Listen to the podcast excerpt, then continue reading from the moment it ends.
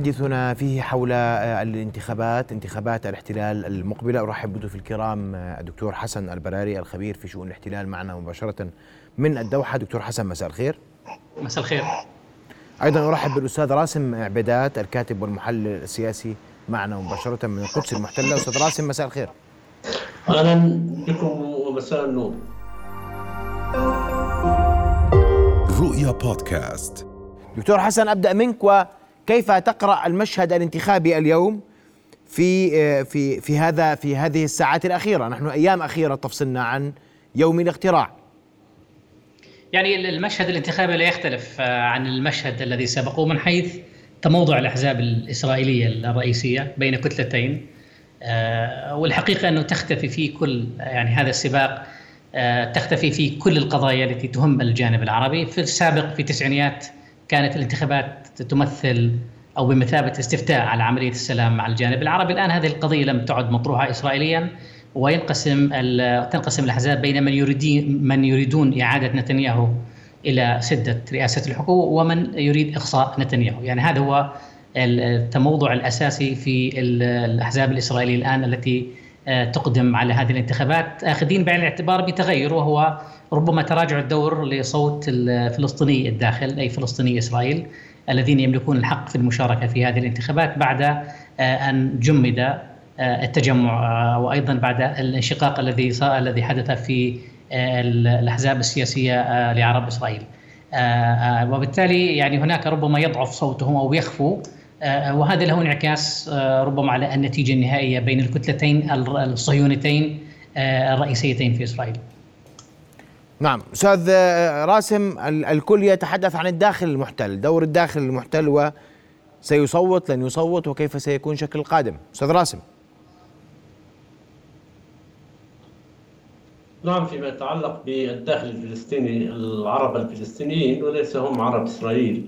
فبالتالي هذه هناك ثلاثة كتل ستقود الانتخابات التجمع وحتى هذه اللحظة المؤشرات تقول أنه لن يجتاز نسبة الحسم والبالغة ثلاثة فارزة 25 والكتلتين الآخرين تحالف الجبهة مع العربية للتغيير ربما سيحصل على أربعة مقاعد والقائمة العربية الموحدة أربعة مقاعد. ولذلك هناك تراجع في تمثيل القوائم العربية في الكنيست الإسرائيلي وهذا كذلك في هذه الحالة نشهد عملية مقاطعة سترتفع في في الداخل الفلسطيني وبالتالي نحن نقول بأن هذه الانتخابات التبكيرية الخامسة والتي تشهد تشذم في الصوت العربي وهذا الصوت العربي سيتوزع بين تلك القوائم بالإضافة إلى أن بعض القوائم الأخرى الإسرائيلية سيكون هناك لها نصيب من الصوت العربي تحديدا ما يتعلق بحزب ميرتس أو العمل, العمل أو غيرها من الأحزاب الإسرائيلية. فلذلك هذه الانتخابات ستشهد تراجع في التمثيل العربي في الكنيست بالإضافة إلى عملية المشاركة في العملية الانتخابية تصويتا وانتخابا.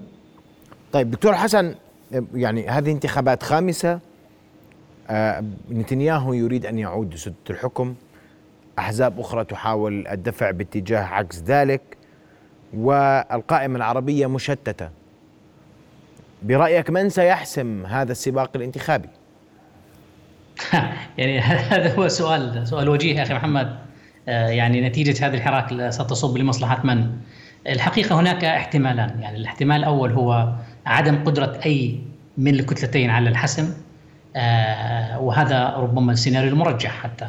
آه، لأنه الآن كل استطلاعات الرأي في مراكز إسرائيلية تشير على أن إلى أن كتلة نتنياهو واليمين الذي يقف بصفه لن في أحسن حالاته لن يحصل أكثر على أكثر من 59 إلى 60 مقعد. ونحن نعرف بأنه عدد أعضاء الكنيسة هو 120 فبالتالي أنت تحتاج إلى 50% زائد واحد يعني على الأقل 61 لكي تفوز أي كتلة من الكتلتين.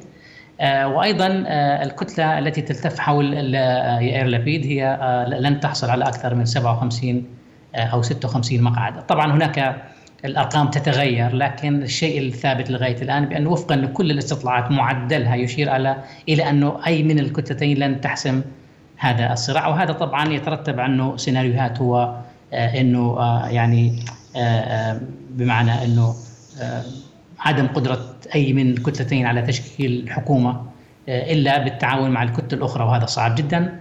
أو أن تحقق احدى الكتلتين اختراق في المكونات الكتل الأخرى وأيضا هذا ربما يكون صعب. اخذين بعين الاعتبار أن الأصوات العربية سيقل تأثيرها في هذه الانتخابات نظرا لحجم المقاطعة ونظرا أيضا للتشرذم الذي طرأ على هذه الكتلة.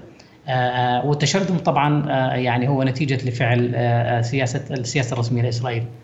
الاحتمال الثاني هو أن تتمكن واحدة من هاتين الكتلتين على الفوز ب 50% زائد واحد وهذا طبعا سيناريو مستبعد قد يفوز نتنياهو. لأنه الآن نتنياهو يعتبر أن اليمين بحاجة إلى لملمة أوراقه فبالتالي هو عمل جاهدا من أجل إيجاد نوع من التحالف بين الصهيونية الدينية بقيادة الصهيونيه الدينية عفوا وأيضا فرق حزب عثمان يهوديت للنائب المثير للجدل حقا إتمار بن غفير. من أجل أن أن لا تذهب هذه الفوارق ولا يتجاوز نسبة الحسم. فهو عمل على ذلك وعمل أيضا على إطلاق العديد من وعود الأحزاب الحريديه فيما يتعلق بموازنات المدارس الدينية. ويريد أن يعيدها لليشيفوت اللي هي المدارس الدينية الحريديه التي تحتاج إلى تمويل فهو وعد بذلك. وأيضا قد يستطيع أن يستقطب ربما نائب أو نائبين من الطرف الآخر يشكل حكومة. هل هذا سيناريو؟ السيناريو الآخر لا ان لبيد هو الذي يستطيع أن يقوم بذلك ويستطيع أن ربما يستقطب حزب شاس على اعتبار أنه تاريخيا حزب شاس كان يذهب مع اليسار مرة ومع اليمين مرة أخرى مع التحفظ على كلمة اليسار لأنه اليسار في السياق الإسرائيلي لا تعني اليسار الذي نعرفه واليسار هو أيضا أنهم متطرفون لأن هناك في إجماع صهيوني كامل من أقصى اليسار إلى أقصى اليمين على يهودية ديمقراطية الدولة ما يعني التوسع على حساب الشعب الفلسطيني وأيضا يعني التنكر لحقوقهم وعدم إعطائهم حتى حقوق المواطنة. لأنه نعرف أنه فلسطيني الداخل الآن يطالبون بدولة لكل مواطنها هم يعرفون بأن هذا أن هذه الدولة هي دولة يهودية بالدرجة الأولى ثم دولة تعلي من قيم الأمن وآخر شيء هي دولة ديمقراطية. فبالتالي أنا تقديري يعني لن تخرج النتائج عن هذين الاحتمالين هو ان أن لا تحسم أي كتلة أو أن تفوز واحدة من الكتلتين وربما أيضا النتيجه النهائيه أننا سنذهب أو سنشهد انتخابات قادمة للمرة السادسة قريبا. أستاذ راسم تتفق انه الحديث كل الحديث أن هذه الانتخابات قد لا تحسم المشهد وأن الأزمة أزمة المشهد السياسي في الكيان المحتل ستتواصل مع هذا الانقسام ما بين القوتين الرئيسيتين فيه.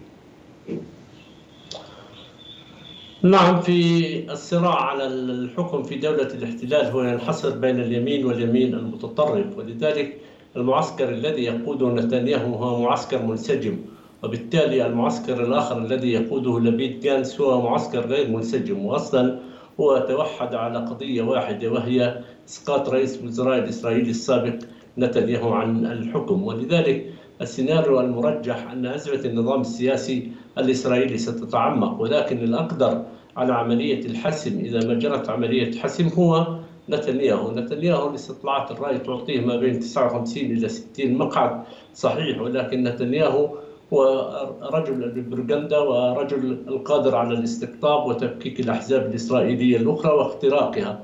وربما نتنياهو قد ينجح في عملية اختراق واستقطاب عضو أو عضوين وبالتالي ينجح في تشكيل الحكومة الإسرائيلية التبكيرية الخامسة.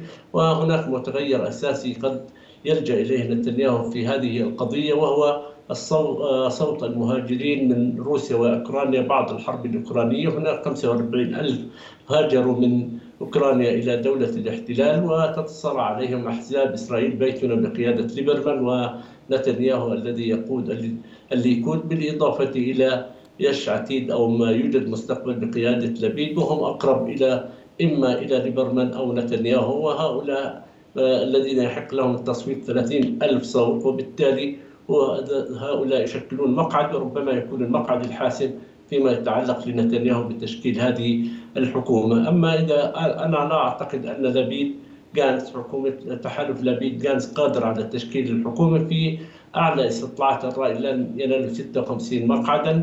نتنياهو نجح في توحيد حزبي الصهيونية الدينية عصمة يهودية بقيادة المتطرف ائتمار بالغفير والذي سي والذي سيكون هو جزء من حكومة نتنياهو وسيتولى وزارة. وهذا الإرهابي والمتطرف والعنصري والمحرض على العرب. اليوم هذه الداعشية اليهودية تتنامى في المجتمع الإسرائيلي وبالتالي باتت تشكل قوة وازنة في القرار السياسي الإسرائيلي وحتى التحكم في الحكومات الإسرائيلية سقوطا وبقاء ولذلك تتصارع الأحزاب الإسرائيلية للحصول على صوتها. واليوم عندما تجد ائتمار بن غفير يتقلد حقيبة وزارية في دولة الاحتلال فربما بعد الانتخابات إذا لم يتم الحسم في هذه الانتخابات التبكيرية الخامسة ربما تجد رئيس الوزراء في الحكومات الإسرائيلية القادمة إما بتسليل سموتريتش أو هو ائتمار بن غفير بمعنى أن هذه الداعشية اليهودية باتت تتنامى وباتت دولة الاحتلال تختلف بعنصريتها وربما يدفع نتنياهو مع تلك الأحزاب الدينية المتطرفة إلى تحويل الصراع مع شعبنا الفلسطيني إلى صراع ديني وهذا الصراع سيجعل هناك آه، المزيد من العنصرية تجاه شعبنا وأهلنا في الداخل. الفلسطيني 48 بالإضافة إلى أنه قد يلجؤون إلى مسلسل الطرد والتطهير العرقي والتهجير بحق شعبنا في الضفة الغربية وعملية الطرد والتهجير لن تكون إلى داخل فلسطين فربما ستكون إلى خارج فلسطين وهذا ضمن السياسة التي يتبناها نتنياهو. نحن ندرك تماما أن كل الأحزاب الإسرائيلية هي متفقة على أنه لن يكون هناك دولة فلسطينية ولن يتوقف الاستيطان. وبالتالي أقصى ما يطرحونه هو حكم ذاتي على شكل حكم ذاتي موسع وحكم بلدي والعلاقة التي يريدها نتنياهو وغيره مع السلطة الفلسطينية هي لا تتجاوز السلام الاقتصادي والتنسيق الأمني ولن يكون هناك عودة لأي مفاوضات سياسية أو عملية سياسية. وينتج عنها حل قائم على أساس الدولتين نعم. وخاصة أن وتائر الاستيطان تتصاعد في الضفه الغربية بشكل غير مسبوق ويعملون بشكل حثيث ليل نهار من أجل حسم مسألة السيادة والسيطرة على مدينة القدس المحتلة. الكاتب المحلل السياسي من القدس مباشرة أستاذ راسم عبيدات أشكرك كل الشكر وأعود لك دكتور حسن الخاسر الأكبر هو هو الفلسطيني لأن كلا الحزبين أيا منهما فاز لا نتائج على الأرض. الجميع على الأرض هو يبطش بالشعب الفلسطيني.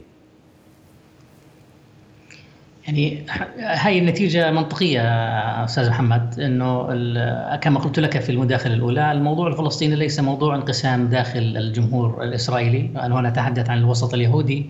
على وجه التحديد آه، هناك رغبة في الحصول على أكبر قدر ممكن من الأرض وأقل قدر ممكن من السكان.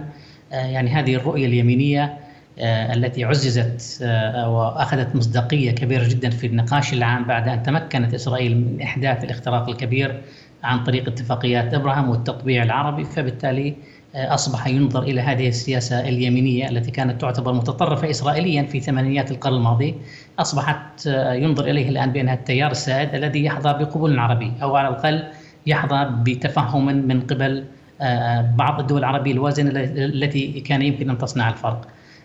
بالتالي يعني انفلت هذا اليمين من كل عقال ولم يعد هناك ما يسمى اليسار الذي كان على الأقل مستعد لبحث الحد الأدنى من مطالب الفلسطينيين كشرط وكاشتراط لإحداث نقلة في عملية السلام، إلى أن لم يعد هذا مطلوب كما قال ضيفك أو المطروح فقط فقط هو آه، السلام الاقتصادي آه، آه، والنظر إلى السلطة الفلسطينية على اعتبار أنها سلطة تنسيق أمني لا أكثر ولا أقل، لكن الحديث عن حق الشعب الفلسطيني في تقرير مصيره، الانسحاب، خطة السلام العربية التي كانت مطروحة في عام 2003 وكل هذه المبادرات هي لا تدخل حيزا أو لا تشغل حيزا في النقاش العام في إسرائيل وبالتالي هذه هو الخسارة، الخسارة أن الذين يراهنون على أن إسرائيل يمكن أن تحدث فرقا وأنا قرات الكثير من المقالات منها يقول أن نتنياهو مفيد اردنيا أو غير مفيد اردنيا منها من من يراهن على هذا الفصيل أو ذاك، أنا أنا بتقديري أن التجربة التاريخية علمتنا أن أن الزمن هو هو عامل عفوا هو لاعب وليس عاملا.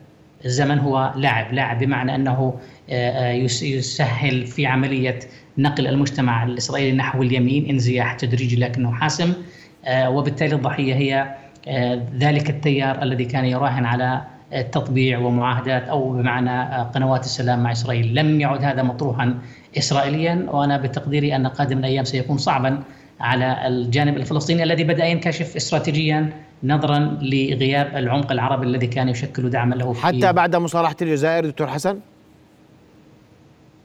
نعم حتى بعد قمة الجزائر المصالحة عفوا الفلسطينية في الجزائر هي شيء إيجابي أنا بتقديري خطوة ممتازة جدا آه، لكنها ليست المرة الأولى التي يتوصل فيها الفصائل الفلسطينية تتوصل إلى اتفاق ثم تعود إلى ما كانت عليه آه، أنا بتقديري هي خطوة جيدة وهي لا تكفي لوحدها لأن الظروف تغيرت لكن على الأقل آه، ينبغي توحيد الساحات ينبغي الاتفاق فلسطينيا على استراتيجية موحدة سواء كانت مقاومة أو أو أو مفاوضات. يعني يعني أنا أنا أنا لا أزايد على الخيارات الفلسطينية لكن أن يبقى هذا الجسم الفلسطيني السياسي مشتت ومخترق بالمناسبة من قبل قوة إقليمية تستطيع أن تلعب في الورقة الفلسطينية لصالح هذا الاتجاه أو ذاك الاتجاه أو من أجل خلق أزمة هنا أو حل أزمة هناك على حساب القضية الفلسطينية. في مر وقت طويل جدا ضحت فيه بعض الفصائل الفلسطينية بمصالح فلسطين الاستراتيجية من خلال هذه التبعية، المطلوب الآن الخروج منها، التوحد خلف استراتيجيه وطنيه عنوانها آه، آه، تقرير المصير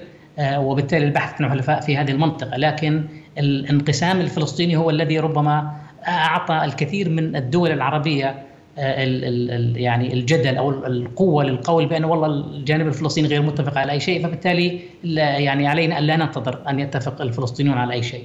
آه، هذه المصالحة تحرج هذه الدول العربية وينبغي أن تحرج وربما هذه الورقة التي ينبغي أن يلعب عليها الجانب الفلسطيني آه، في قادم الأيام. الدكتور حسن البراري الخبير في شؤون الاحتلال كنت معنا مباشرة من الدوحة. أشكرك كل الشكر. رؤيا بودكاست.